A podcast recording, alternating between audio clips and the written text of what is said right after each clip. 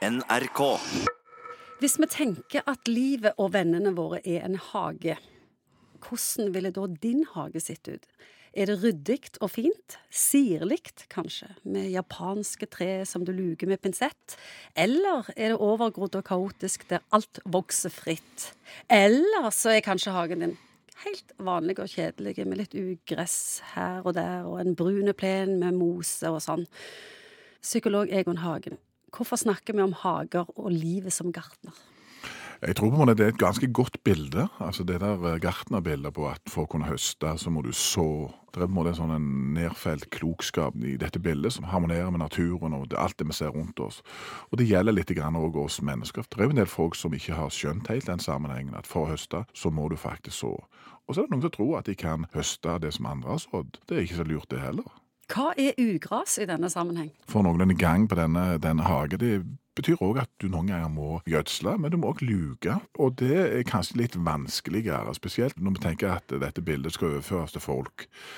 Og Grunnen til jeg tar det opp, eller at vi snakker om det, er at jeg har sett at en del folk som jeg har vært i kontakt med, over tid drar på en hel haug med relasjoner som ikke gir dem noe særlig. Og så er det jo sånn at det der med luking skal du selvfølgelig gjøre med nennsom hånd. For noen ganger så må vi akseptere at noe kan i en periode av livet se litt ut som ugras, og så kvikner det igjen, og så, og så har vi gang på det. Men, mens andre ganger så er det ting bare som notorisk er ugras. Og det og noen ganger så må du rydde litt i disse kott og klesskap, og i litt i forhold til denne vennekonstellasjonen som du har rundt deg. Som gartner, hva spørsmål må jeg stille meg sjøl?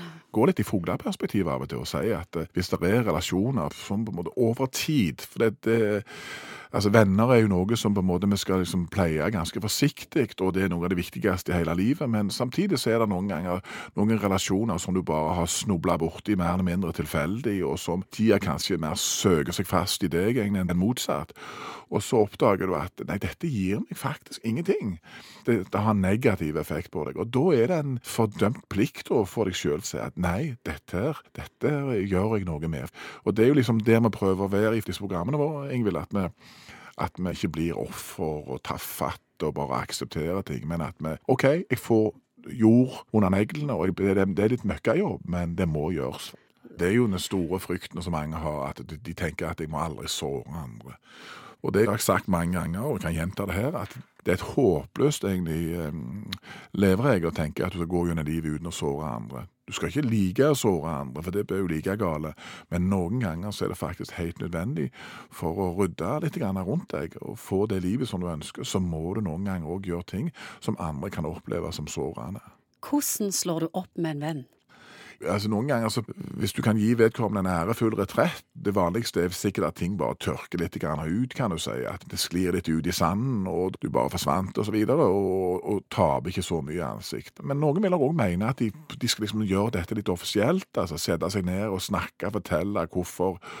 Og der er vi nok litt forskjellige. Jeg er litt mer den typen, tror jeg, som ville la folk få lov å leve med sine egne livsløgner, og hvis de skal ut av mitt liv allikevel, så er ikke det mitt oppdrag å oppdra og lære folk alt mulig. Så jeg, de hadde sklidd litt ut til venstre for min del.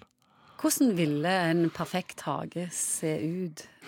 Vi drar med oss våre dumheter alle våre dager, og du drar med deg din klokhet eller klokskap, de fornuftige tingene du har gjort alle, alle dager. Og det er en sammenheng mellom det. Gjør du dumme ting, tar du dumme beslutninger, er du impulsiv, er du stygg med andre, så vil den hagen din bære preg av det, rett og slett. Fordi at eh, alt går i sirkel. Jeg tenker mer at det er en offensiv måte å tenke på at vi kan forme livet vårt med å prøve å knytte sammen det vi gjør, og de konsekvensene som det får. Det du sier, at hagen kan egentlig se ut akkurat som den vil. Den kan være både japansk og sirlig og viltvoksende og nydelig. bare det er sånn som du sjøl ønsker. Det er poenget. NRK.